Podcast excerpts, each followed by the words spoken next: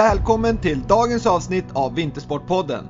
Tack för att ni lyssnar och att ni hjälper mig att berätta om podden till alla era nätverk. Med alla intressanta gäster som jag haft och kommer att ha tycker jag alla ska få chansen att ta del av deras kompetens, erfarenhet och förmåga att ge inspiration. Så följ Vintersportpodden där poddar finns så ni får ett meddelande när ett nytt avsnitt är publiceras och naturligtvis följ Vintersportpodden på Instagram för att få relevant information om vad som är på gång och inspiration. Varmt välkommen till Vintersportpodden! Detta avsnitt är i samarbete med Orsa Grönklitt. Orsa Grönklitt är anläggningen i Dalarna som har aktiviteter för alla. Vad sägs om 130 km längdspår, 22 alpina pister, rovdjurspark och ett nära och bra boende? Med 130 km välpreparerade längdspår för alla nivåer spelar det ingen roll om du är nybörjare eller världselit. Det finns spår till alla. Om du vill ha hjälp med utrustning, vallning eller till och med en skidlektion kan du besöka Orsa Grönklitts längdcentrum som har mycket kunnig personal. Byt spår! Gör din kropp och ditt sinne en tjänst. Byt till en meningsfull semester fylld med frisk luft och motion utomhus. Kombinera det bästa av två världar, semester och skidåkning ut i den natursköna Orsa Grönklitt. För mer information och bokning, besök www.orsagronklitt.se Tack för ett bra samarbete Orsa Grönklitt. Och detta avsnitt är i samarbete med Brooks, The Running Company. Brooks grundades 1914 och har stor kunskap om hur skor ska byggas för att ge absolut bästa löpupplevelse oavsett löpstil, erfarenhet eller anatomi. Jag har löpt med Brooks kontinuerligt ett år nu och har aldrig haft bättre skor. Jag har skor som passar min nivå och alla underlag. Undan ett par riktigt bra skor inför 2022 för att utvecklas som löpare och ha en härlig löpupplevelse. Be happy and run happy med Brooks, The Running Company. Nu drar vi igång dagens avsnitt.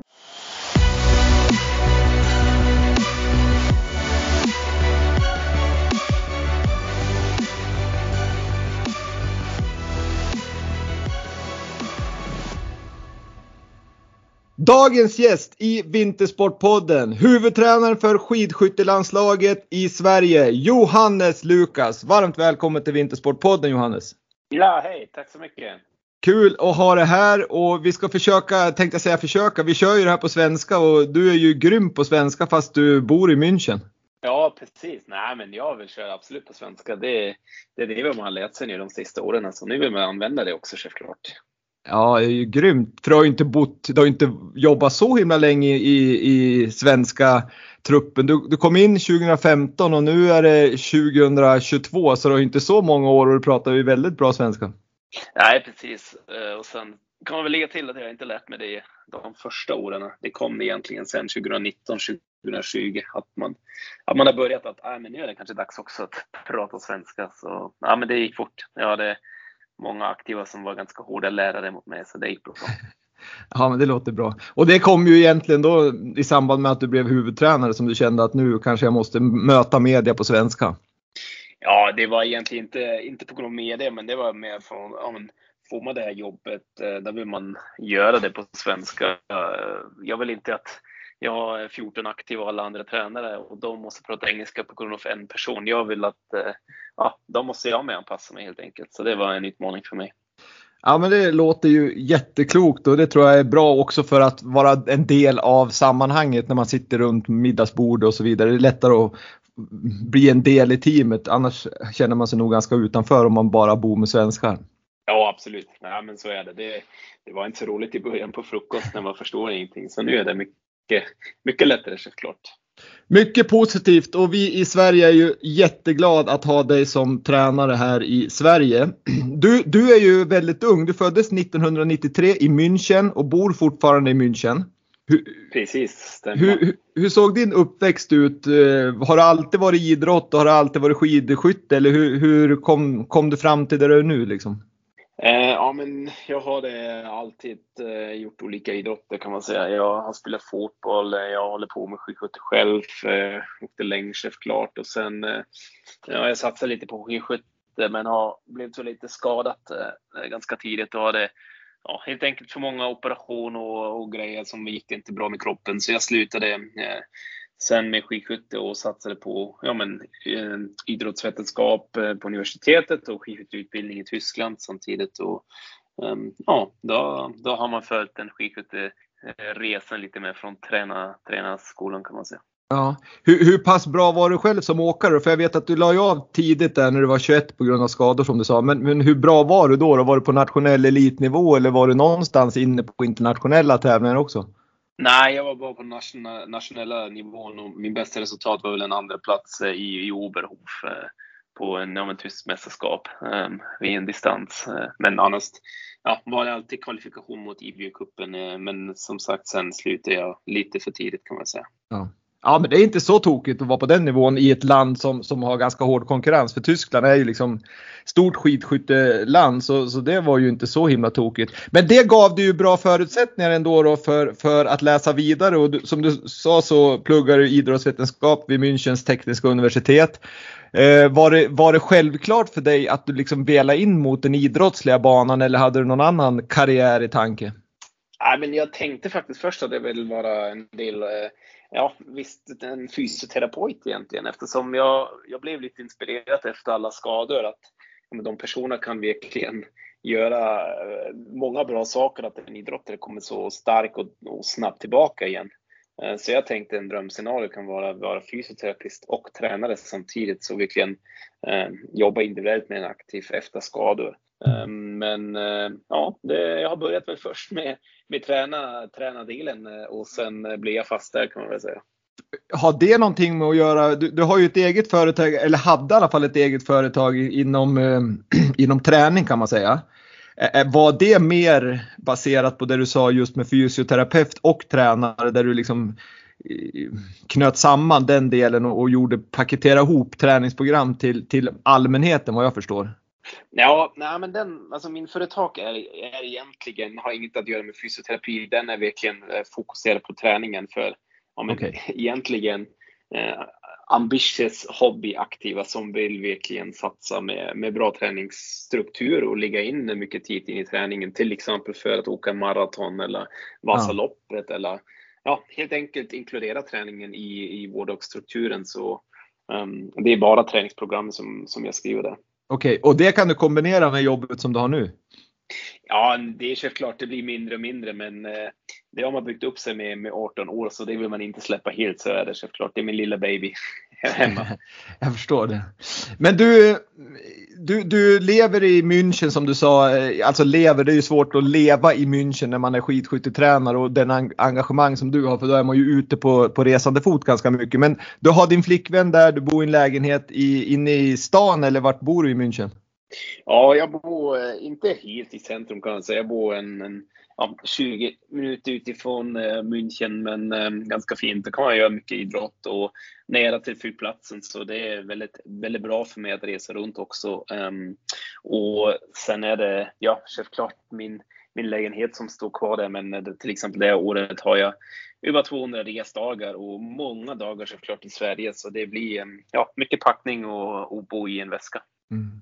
Ja det förstår jag verkligen. Alltså, det, är ju, det är ju ett väldigt flackande liv och, och, och det tar ju mycket på krafterna det. Men, men, har du liksom, jag vet ju att Skidskytteförbundet har ju valt en linje med att dels har man ju sitt huvudkontor i, i Östersund på stadion där jättefint och sen har ju liksom landslaget valt att ha sin bas i Östersund där åkarna kan träna tillsammans och så vidare.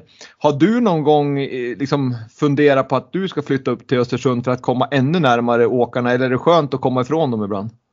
Jag tror det borde också. Klart har man funderat att det, det gör saker enklare om man, man sparar tid om man eh, bor i Östersund. Men på annat sätt tror jag att den lösning som vi har är väldigt bra eftersom när jag är hemma tio dagar, där kan jag verkligen sitta med datorn och planera alla träningsplaner, eh, studera alla analyser, har verkligen tid bara för egentligen kontorsjobbet.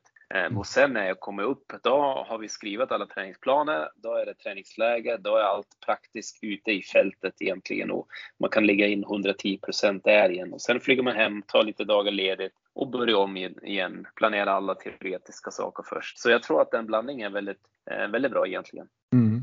Ja det låter ju ganska, liksom, då kan du verkligen komma dit med engagemang och energi i åkarna eh, så att man inte sliter på varandra i onödan kanske också. Plus att du får den här tiden som du säger för att planera träningsupplägg och, och hur de ska göra dagligen på, på lägren. Ja, precis. Man måste se, jag tycker man måste se tränarjobbet ändå som en...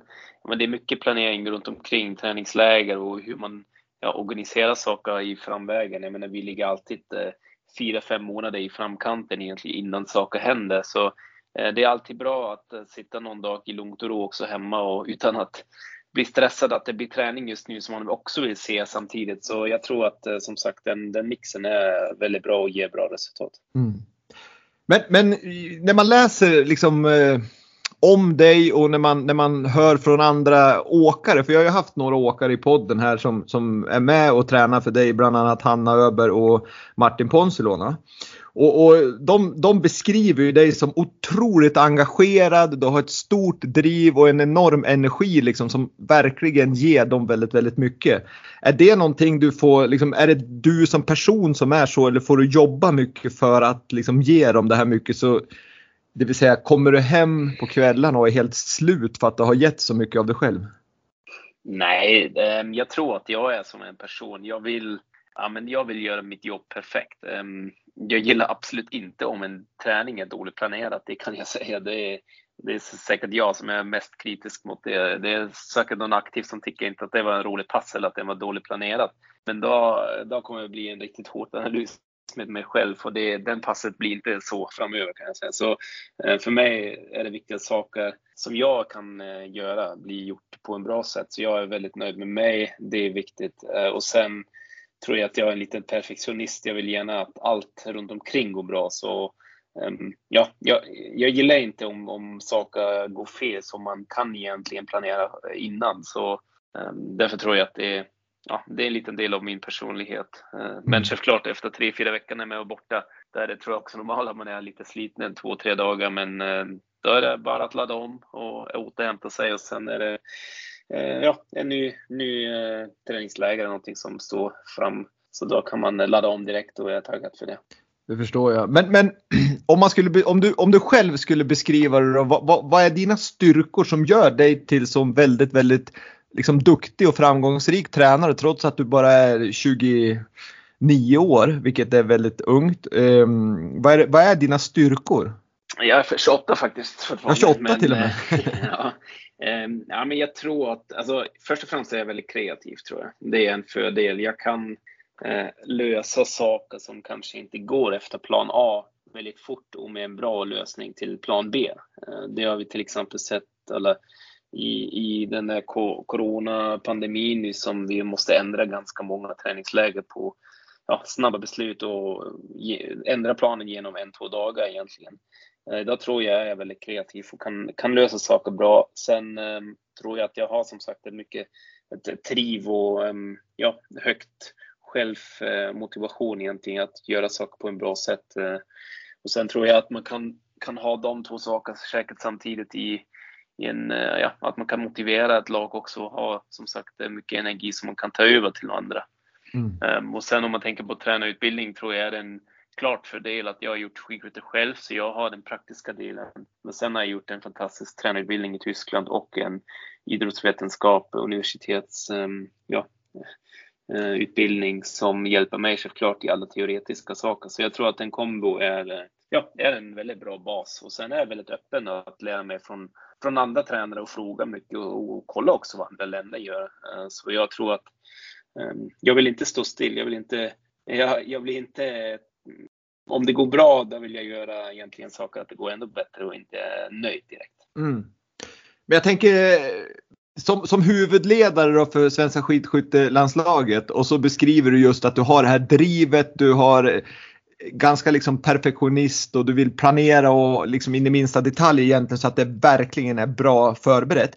Hur, lyckas du få med dig de andra ledarna i teamet? För jag menar alla är olika, vissa är ju lite mer slarviga och vissa kanske kör mer på uppstuds som man säger i Sverige. Men, men hur, hur lyckas du med det och få med dig de andra ledarna på, på ditt tåg så att säga? Men jag tror att det är vår styrka att vi har så olika personer. Ehm, det tror jag inte kommer funka bra om man har fem eh, så ja, perfektionister som jag är kanske. Men eh, det, jag vet att de andra har jättebra saker som de kan och eh, jag är verkligen de bästa i, i deras specialdetaljer. Så jag, jag har verkligen 110% förtroende i den eh, delen som de gör. Och det, det vet jag också att, att ja, men vi tillsammans eh, kompletterar varandra jättebra och det tycker jag är, är väldigt viktigt. En, en tränarteam är för mig inte de fem bästa individuella tränare. Det är, det är de tränare som kompletterar varandra bäst på bäst sätt. Eh, mm. Det är för mig en bästa tränarteamet och det är en stor fördel vad vi har. Ja, det låter väldigt modernt och, och bra ledarskap där Johannes. Det, det, jag tror också på, på det för att det spelar ingen roll om man är fem super superspelare eller supertränare som drar åt olika håll. Då, då blir det nog inte så bra slutprodukt till slut. Ja, precis. Helt rätt.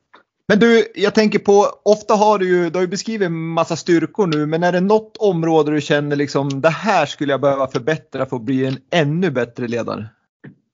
Ja, men jag tror säkert att eh, kanske någon gång kan man eh, ge bort lite saker också. Man kan inte eh, kontrollera allt för mycket eller eh, man kan inte göra alla saker samtidigt. Så mm, det, det kände jag också kanske någon gång under den här sommaren att det var ja, väldigt mycket planering med alla olika scenarier framåt OS och pre-camp och hur man vill lägga upp saker. Och, ja, det blev nästan lite för mycket på slutet så man, eh, jag måste vara bättre att ge bort saker. Absolut, man kan inte, ja, man kan inte koka tio olika pasta samtidigt. Nej men precis och, och dessutom då när ni är framgångsrika som ni är i landslaget så blir ju landslaget växer ju också kanske med fler åkare och fler ledare och till slut så blir det ju svårt att vara liksom kontrollera hela, liksom, alla kokkärl som du säger, alla pastaskålar. Nej precis, men det, det, det har för det är som sagt att vi har så bra tränarteam och jobbat tillsammans så länge också så man vet eh, ja, vilka delar man kan ge bort direkt utan problem, vilka kan andra lösa bättre än jag. Eh, mm. Så det, ja, det känns bra att vi har jobbat så länge tillsammans också. En styrka som jag tyckte jag kände liksom som, som eh, vad ska jag säga, åskådare eller tv-tittare och, och, som följer ändå skidskyttet ganska nära.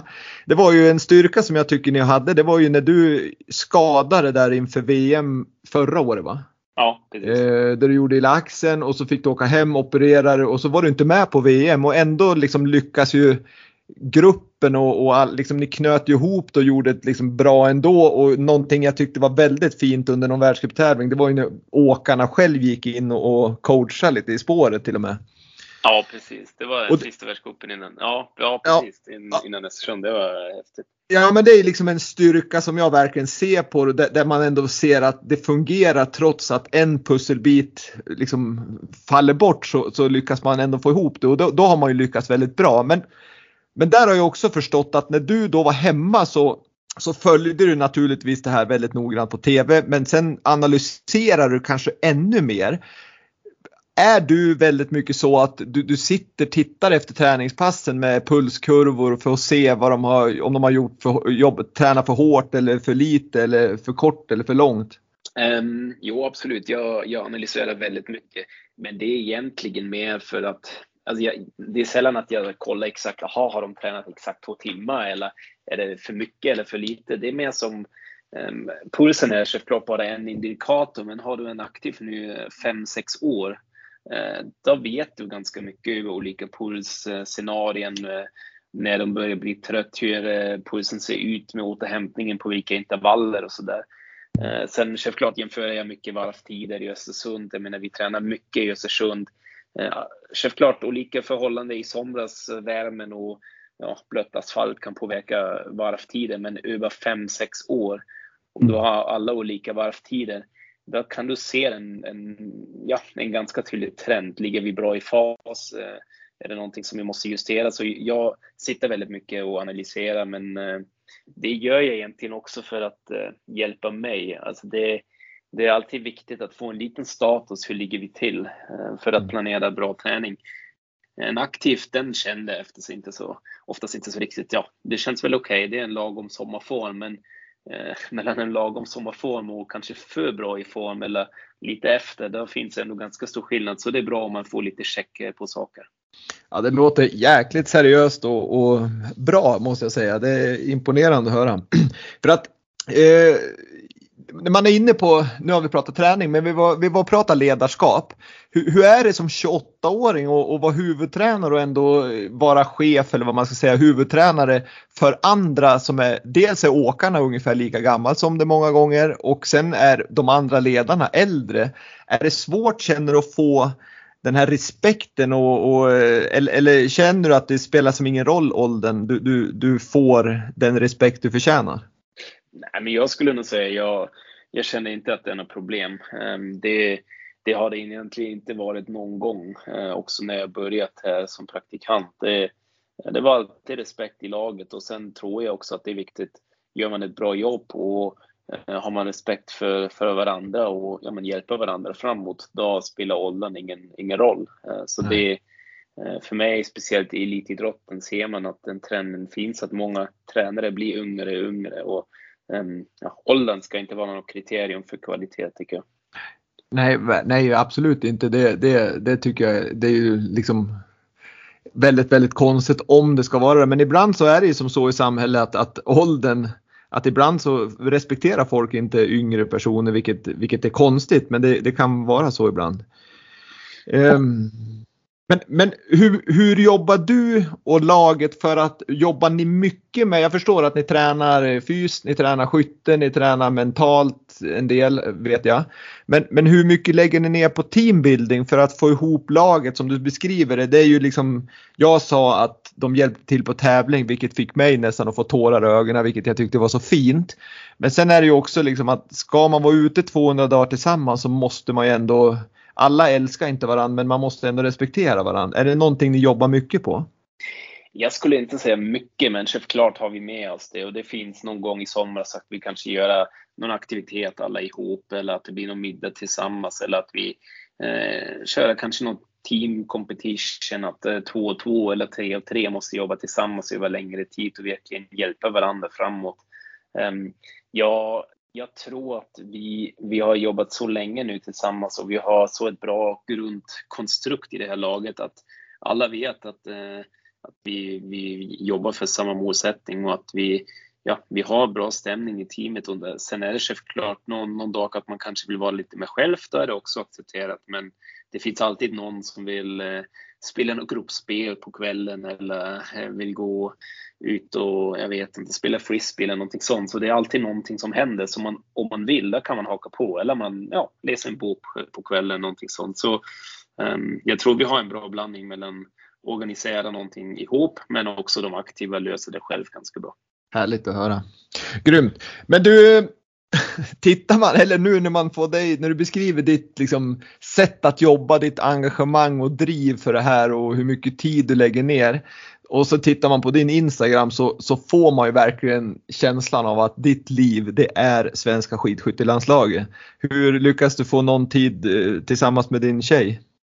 Ja, men nu var jag hemma ändå över jul, eh, nästan två veckor, så det var skönt och då var det bra. att Jag tror vi, vi alla också, de aktiva, var, var lite trötta efter de första fyra veckorna, så man, man tog bort telefonen lite grann över jul och hade två, tre dagar själv. Och, eh, det är självklart de, de momenten som man som man behöver också. Ehm, ja, och sen är det självklart viktigt under sommaren när man kommer tillbaka efter träningsläger att man eh, tar hand om varandra och ehm, ja, att jag, det jag är hemma i München och, och kan göra bra saker med Maria. Men eh, ja, vi löser det bra tillsammans och hon kan komma upp till Östersund någon gång så det, det löser vi på en bra sätt. Härligt. Men med dina framgångar som, som tränare och så här ung så känns det som att eh, Svenska skidskytteförbundet borde vara lite som oroad ändå. För jag menar ditt hemland Tyskland borde ju vara ryckare i, i dig en hel del med tanke på dina framgångar. Ja, den frågan har man hört flera gånger.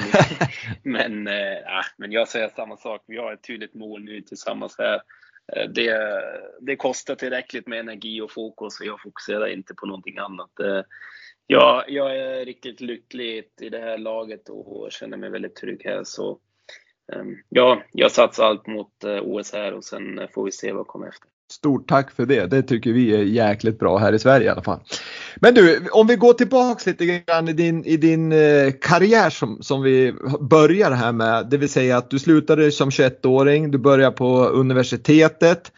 Där när det började ta slut så skulle du ha en praktikplats och då ringde du till Wolfgang Pichler som din pappa kände lite grann vad jag förstått. Och, och, då fick du vara med på något läger där du jobbade gratis som en liksom, praktikant. Men eh, hur, va, hur kom det sig just att du valde Wolfgang Pichler som eh, liksom, någon som du verkligen ringde och ville jobba eller praktisera med? Ja, men det var egentligen eh, eftersom jag har gjort min, precis min tränarutbildning klar i Tyskland för skidskytte och där tänkte jag ja, jag vill egentligen inte göra praktiken i Tyskland eftersom jag vet allt hur det fungerar och kände alla där. Eh, så det har varit bra med, med någon annat land och då var det, jag visste att Sverige är alltid i Ropoling. Eh, och det är såklart nere till, till München. Och sen visste jag att min pappa kände Wolfgang lite grann. Och sen eh, ja, tänkte man bara att okej, okay, men det här kan väl vara intressant. Han är en intressant tränarperson, man kan säkert lära sig mycket. Och ja, då ringde jag. Och hur, hur liksom, det, det, då gjorde du din praktik och sen eh, började du jobba som tekniktränare och styrketränare, ansvarig för styrketräning och teknikträning. Var det, visst var det så? Ja, men det, det var egentligen eh, först jag gjort ja, men allt vad det behövs. Hjälpa till med träningsläger, och köra bil upp och ner och hämta dem. Ja. Allt, allt vad det ska hjälpas till. Och sen eh, blev det lite mer styrketräning, lite mer teknikträning och sådär. Eh, ja, eh, mycket laktattester tester och sånt. Så då blev det mer och mer jobb. Eh, eh, ja, hjälpte alltid de vallarna med att testa skidor och åkte med de banan och sånt. Så det blir varje år lite mer uppdrag och det var självklart skönt att följa. Och sen var du ju som assisterande åt Wolfgang. Men, men när kände du liksom att trots din, din ringa ålder där som, du, vad var det då, då 26 år, när Wolfgang hoppade av? Ja, jag, alltså, jag tänkte egentligen inte först att jag kommer stanna i skidskytte så länge eftersom jag har börjat egentligen eh, i München eh, jobba med fotbollslag i, i andra ligan som atletiktränare. Och den var en väldigt bra jobb och jag, ja, jag tyckte om det där jobbet. Det var väldigt intressant och spännande och fotboll, eller, den är väldigt stort såklart i Tyskland så det, det var bra. Men sen ja, blev det ett år till och ett år till och sen slutade Wolfgang då har jag fått den där frågan från förbundet. Så då, ja, då blir man eh, såklart, eh, ja, då vill man inte ta bort den chansen. Och jag, jag blev eh, eh lite, ja, det var lite min andra familjen här i laget. Så eh, jag kände att det, det är inte rätt tid att lämna. Så ehm, ja, då blev jag lite fast. 2019 kan man väl säga nu. Och nu känns det väldigt bra att vara, vara kvar här. Mm. Ja, det förstår jag, men, men den roll du har nu, då är du ju liksom, eh, vad ska jag säga, du är ledare, du är huvudledare och ska vara liksom en, en, ha de egenskaperna att vara ledare samtidigt som du är liksom tränare rent ut sagt. För det är inte så jätteofta. Tar du ett fotbollslag till exempel så, så är man ju headcoach där. Då är man ju inte så där supermycket kanske involverad i, i träningen på plan. För då har man ju kanske någon som, som kör själva liksom frisparkarna, tränar dem och sen är det någon som tränar fysen med dem. Men, men är det någonting fortfarande som ligger varmt om hjärtat just det här med fysen och att skulle du kunna tänka dig att gå tillbaks och, och köra just bara fysträning med eh, Bayern München till exempel. Nu drog jag ju till med en stor klubb här men, men, men en fotbollslag. Ja men det skulle jag nästan säga. Ehm, jag menar jag är 28 år nu, nu har jag jobbat uh, ja, sex och ett halvt år i skidskytte. Självklart klart eh, är det möjligt att någon gång alltså, jag säger nu vill jag nu är jag nyfiken att göra fotboll igen till exempel, eller någonting helt annat. Um, och det tror jag är också min, min person, att jag inte ja, jag vill lära mig alltid nya saker eller man kanske kan göra en praktik i en fotbollsklubb igen. Alltså att um, ja, se verkligen hur, hur andra idrotter gör och jag tror man kan lära sig alltid någonting från någon annan. Så um, ja, jag tror att min framtid är väldigt öppen eh, om det blir skidskytte mitt hela liv eller om det blir någonting annat, det vet jag inte än. Nej. Äh, spännande, gud vad roligt. Jag har varit med om så mycket som du har varit med om och är 28 år, då har man verkligen framtiden framför sig. Otroligt spännande ska det bli att följa det.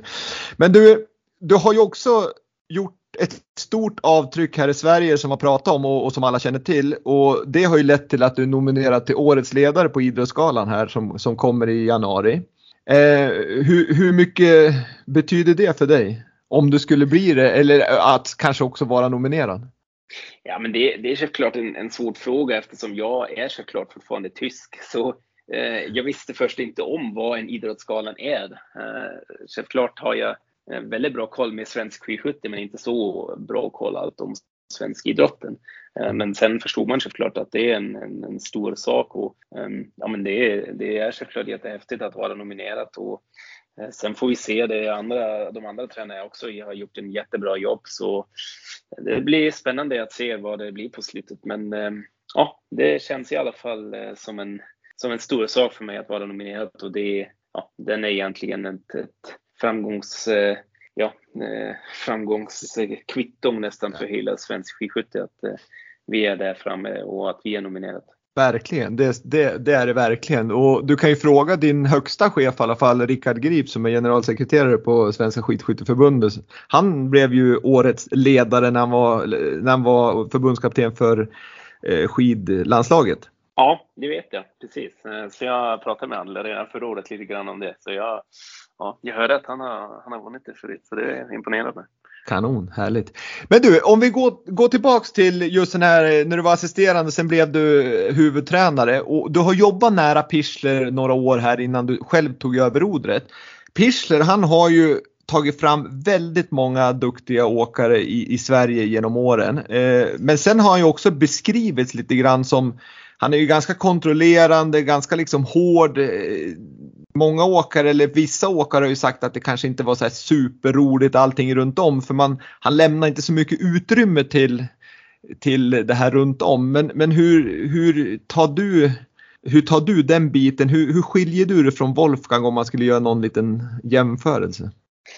Ja, men jag tror ehm, det är svårt. Alltså, eh, alla ledare är säkert olika och ingen kan kopiera Wolfgang. Det är vi är helt säker. Och, um, Wolfgang har gjort så många bra saker och har haft så enormt bra triv i bara, bara alla år och verkligen kan ja, pusha de aktiva framåt varje dag. Um, och det, det är många saker där som jag verkligen uh, lärt mig. Men sen tycker jag också, måste man se det, jag är som sagt så ung. Ehm, jag har lite min egen ja, style. Eh, det är lite att vara, jag skulle inte säga kompis med de aktiva, men eh, jag tror det är också en väldigt konstig situation om jag skrekar bara runt med 28 och, och gör det här en, en väldigt hårt eh, huvudtränare. Idag är det kanske inte så populärt heller. Så jag tror att eh, jag hittade en väldigt bra balans mellan eh, vara en kompis och ha det roligt med de aktiva. Men sen när det gäller, då är vi 110 procent och då vet de också att när det är en hård pass, då är det inte att hämta med, skämta med mig. Då är det ja, vilken full fokus och det är, det är samma sak med de aktiva. Jag kan kan ha det väldigt roligt med dem under en träningsdag. Men sen är det en, en väldigt viktig träningsdag eller en testrace eller en, en tävling. Och då är vi ehm, 100% fokuserade. Och exakt den här mixen tycker jag är väldigt, väldigt skönt och ehm, gör det så att vi har det också roligt utanför tävlingen. Ja, Låter jättebra verkligen och kan man hålla den, kan man hålla den eh, mixen så är det ju super om man liksom lyckas med verkligen och, och, och kunna känna när, när det ena passar och när det andra passar. Det, det, är ju verkligen, verkligen och då blir ju dagarna roligare också för alla inblandade. Men du, om vi ska prata lite OS då som, som kommer här. Eh, hur, eh, hur, är liksom, hur känns det för dig att gå in i, i ett OS som som kanske inte har den här liksom rutinen liksom, som ledare från OS. Hur, hur, hur, hur förbereder du dig för, för OS då?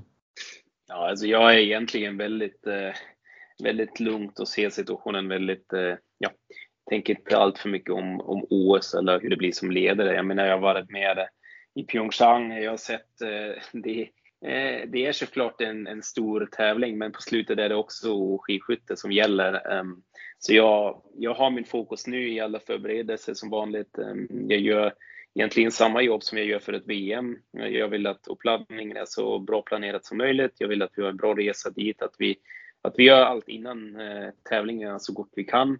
Ehm, och sen eh, blir det på slutet vad det blir. Man kan inte man kan inte göra så mycket på slutet eh, och det, det spelar ingen roll om, eh, om vi har hundra personer runt oss eller tusen eller eh, hur många fotografer eller medier. Jag, jag vill göra mitt jobb och grundjobbet gör vi redan nu. Jag menar för en tränare är nästan tiden innan OS viktigare än tiden under OS. Du kan förändra saker nu och sen inte så mycket under OS. Så jag ser det egentligen väldigt lugnt och ja, ser egentligen bara framåt att, eh, att det drar igång snart och jag hoppas att det blir en bra OS självklart. Hur har uppladdningen varit då för OS just eh, om man tar veran skidskyttetrupp här? Har, har, har det gått enligt plan? Och hur har liksom planen varit? Liksom, vad har ni fokuserat på inför OS nu? Ja, men det skulle jag ändå säga. Um, våra plan var att vi kommer bra igång i säsongen, att vi uh, kan verkligen visa bra resultat den första trisemestern innan jul, Eh, få många poäng i kvalifik kvalifikationssystemet. Vi har många topp 15. Eh, jag tror allt det har vi lyckats med och verkligen visat att vi kan ha topplaceringar. Eh, vi har många aktiva med, med väldigt högt självförtroende. Det är en nyckelfaktor för mig i skidskytte. Sen har vi haft nu en grundträningsblock, en väldigt tufft block över jul. Jag visste att de aktiva kommer bli trötta, att vi kanske är lite, ja, lite ner just nu. Eh, men den gick egentligen också ja, ganska som planerat, en, två eh, förkylningar någon gång, men det är också normalt. Eh, och sen ska vi sikta nu på de nästa tävlingar med lite grundform. Jag förväntar mig inte toppform, men jag tror att vi, vi har så ett bra grundnivå så vi kan ha fina resultat nu också. Och sen blir det självklart den där sista formtoppningen, sista 15-20 dagar innan OS som är viktigt att alla håller sig friska och att vi kommer bra över till Kina och för, förhoppningsvis ha inga, inga sjukdomar i laget. Det är väl det viktigaste nu den nästa tiden kan man säga. Kör ni, när, nu när ni de här sista 15-20 dagarna, blir det mycket liksom korta tuffa pass då med intervaller för, för att få speeden på låg höjd eller hur, hur, hur ser liksom den to sista toppningen ut? Ja, sista toppningen kommer vi göra på höjd också för att vi kommer stå så lång tid på höjd, uh, har ingen möjlighet att åka ner på lågland. Så um, vi kommer fokusera att akklimatisera oss först på höjd och sen ett toppa formen så mycket som möjligt uh, inom kort tid uh, för OS. Mm. Och när ni kommer till Kina, hur, hur ser det ut då? då liksom? Är det, tar ni det väldigt lugnt då och bara glider omkring eller har ni liksom hårda, nästan testrace där dagarna innan loppen? Eh, vi kommer i alla fall ha det väldigt lugnt de första två, tre dagarna. Eh, och det kommer vi ta väldigt individuellt också, hur de aktiva reagerar med tidsomställning. Eh, mm. Men också här är en bra en fördel att jag har skrivit ner ganska mycket från Sydkorea. Vi har en stor del som har varit i Korea. Jag vet lite grann hur ja, hanterade tidsomställningen där. Så um, vi, vi har testat det förut kan man säga. Så um, det är fokus första dagen och sen att komma igång med kroppen och sen blir det självklart en, två väldigt hårda pass eh, innan eh, första stafetten, eh, mixstafetten drar igång. Mm. Men du, hur är statusen i gruppen just nu? Du sa att de var friska, men, men känns de som eh, att de är liksom hungriga och sugen på att komma till OS? Eller det, man kan ju välja liksom nu har ni lyckats bra, åker de dit och känner sig liksom pressade att vi måste ta de här medaljerna eller åker ni dit med förväntan att fasiken det här ska bli kul?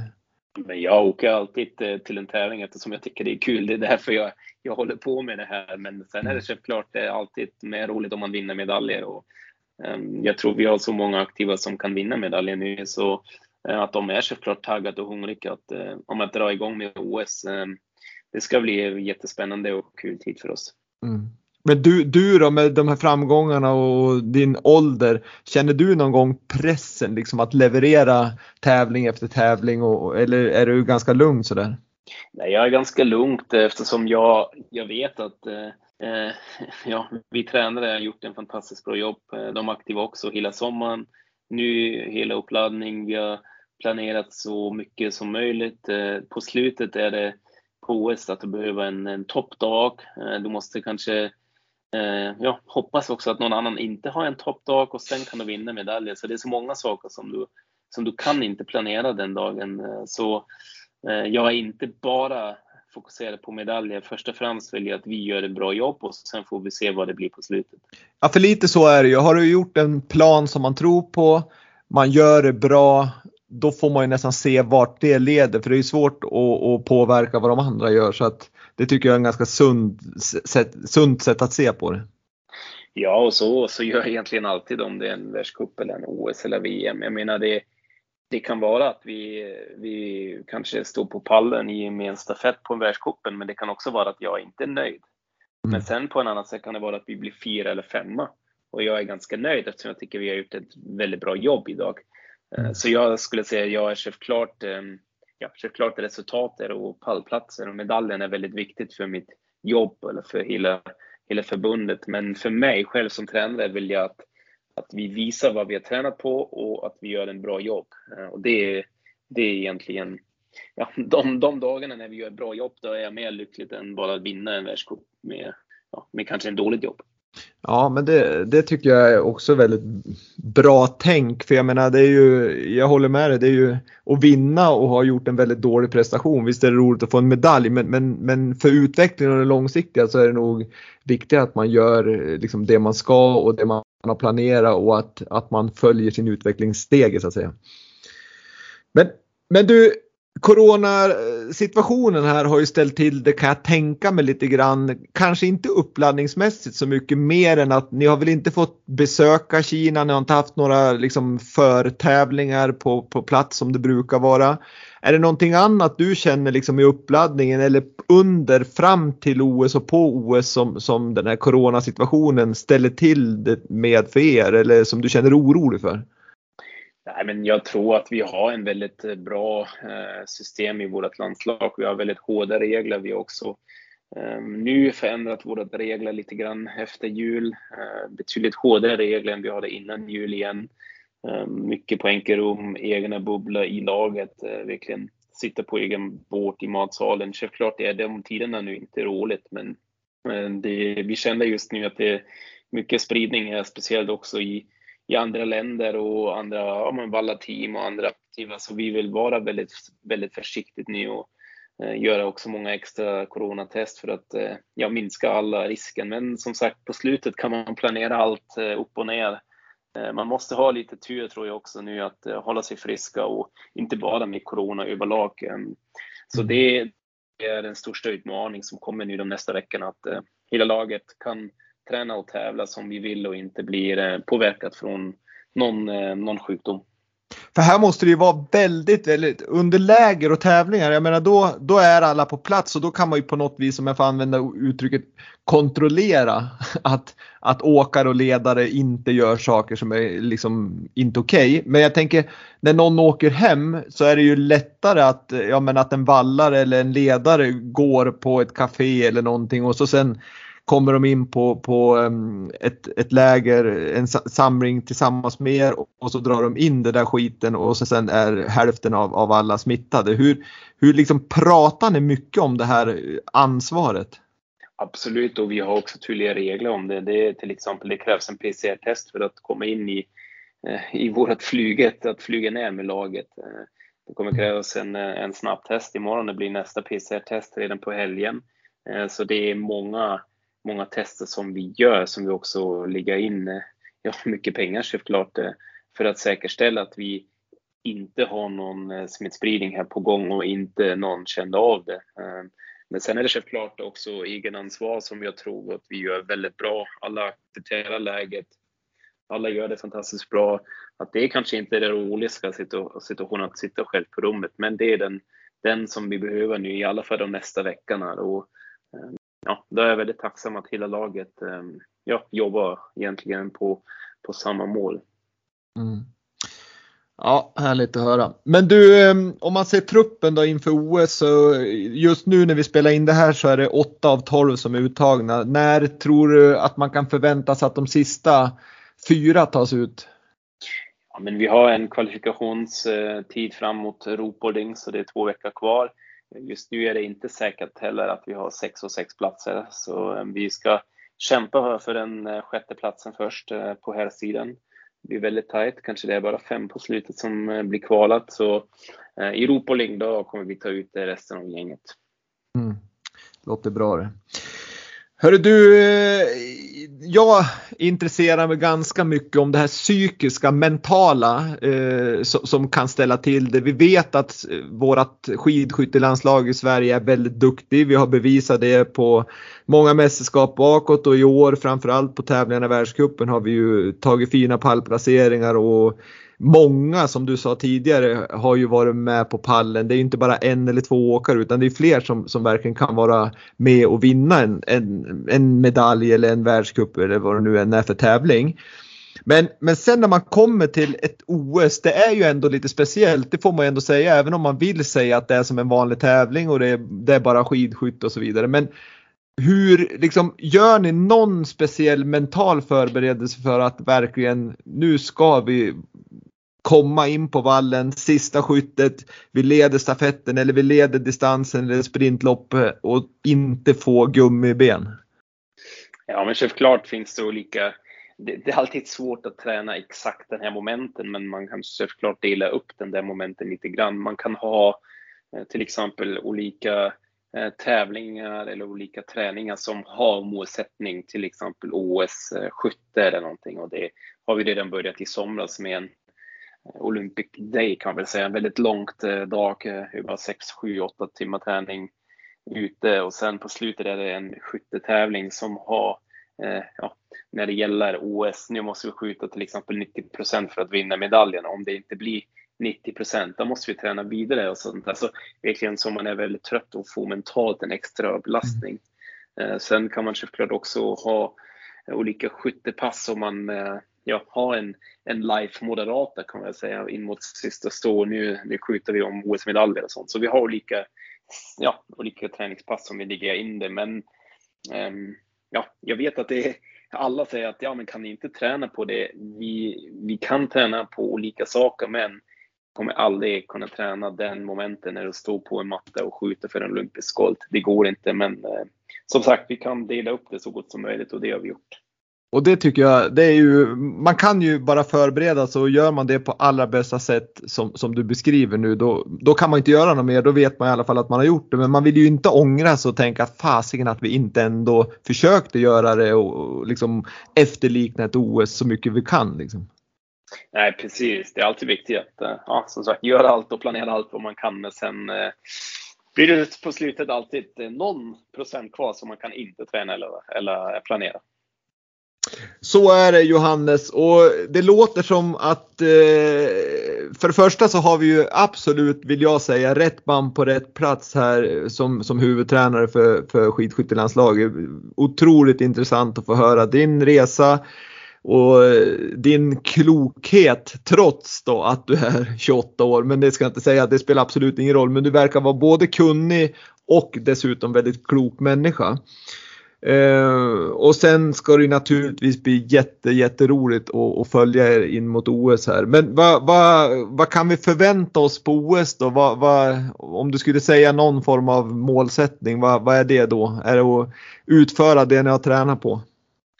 Ja, men eh, målsättningen är såklart att vi, att vi har eh, topp form på OS, eh, att vi kan eh, visa toppresultat och slå oss medaljer och sen eh, har vi väl en officiell målsättning som säger att vi vill vinna minst en medalj på här och en, minst en medalj på damsidan och det tror jag är realistiskt. Ehm, jag är nu ingen, ingen kompis för oss, eller vi vill vinna fem, sex medaljer eftersom det är som sagt så många saker på OS som kan hända som du kan inte påverka på slutet. Ehm, jag, jag vill att vi gör ett bra jobb, att vi eh, följer vårt uppladdning och våra planer nu framöver, att vi, eh, ja, som sagt, håller oss friska alla och sen är jag säker att vi kommer slå oss om topplacering. Underbart att höra. Om, om du skulle ge tips till andra unga ledare som, som sitter och lyssnar på det här och blir väldigt, väldigt inspirerade hoppas jag av, av din resa. Va, vad skulle du ge för tips till andra unga ledare som vill, vill liksom slå sig in på ledarbanan? Jag tror det är väldigt eh, viktigt att man har mycket respekt för varandras jobb. Um, om det är nu till exempel för mig, respekt för de aktiva, respekt för den fysio, för eh, tränare som gör styrketräning, för Valla-gänget, att man håller ihop hela teamet och verkligen respekterar varandra. Och sen eh, tror jag det är väldigt viktigt, speciellt när man är ung, som sagt, att man testar olika varianter, att man man är inte fast i en system och tror att man kan allt. Man måste vara öppet och måste acceptera att det finns många andra tränare som är säkert bättre än jag. Men eh, jag är kanske bättre än i andra saker och sen måste man ta fram eh, de, de saker som de kan bättre, spara dem och eh, förändra egna saker. Jag tror det är väldigt viktigt. Det är som en utvecklingsprocess hela tiden. Otroligt kloka ord från en klok människa och det var, tyckte jag var bra tips både för unga ledare men även för etablerade ledare att man, att man ska ta lärdom av varann och, och utveckla sig själv. Det låter ju som en superbra väg att gå för allihopa. Men du Johannes, innan vi slutar här så ställer jag alltid en och samma fråga till alla gäster som är med i Vintersportpodden. Och den är enkel, den går snabbt att svara på. Och den låter så här. Kan du säga en framgångsfaktor för att lyckas med idrott? Ja, det är ett eh, starkt tränarteamet som måste stå bakom ett eh, starkt förbund. Det är väldigt viktigt. Du kan ha världens bästa aktiv, men om en aktiv har ingen ingen bra tränarteamet bakom och en bra förbund som kan, kan göra saker möjligt, då hjälper det inte. Eh, så jag tycker det, det visar vår framgång i sjukt speciellt. Att väldigt starkt förbund, väldigt starkt tränarteamet och sen kommer det efteråt väldigt fina resultat och väldigt fina aktiva. Härligt att höra, grymt bra! Och med det sagt så önskar jag, Wille Blin och Vintersportpodden dig och dina aktiva och andra ledarstaben och Svenska skid, skidskytteförbundet stort, stort lycka till. Dels på OS men även naturligtvis framåt på alla tävlingar och allt vad ni än tar er för. Och, Tack så mycket! Och så får man ju också säga på tyska Viel Glück bei Olympia auf Wiedersehen Johannes Lukas. Vielen Dank! ha det så jättebra och sköt om det! Ja, det ska jag göra. Tack så mycket. Ja. Tack, tack. Hej, hej.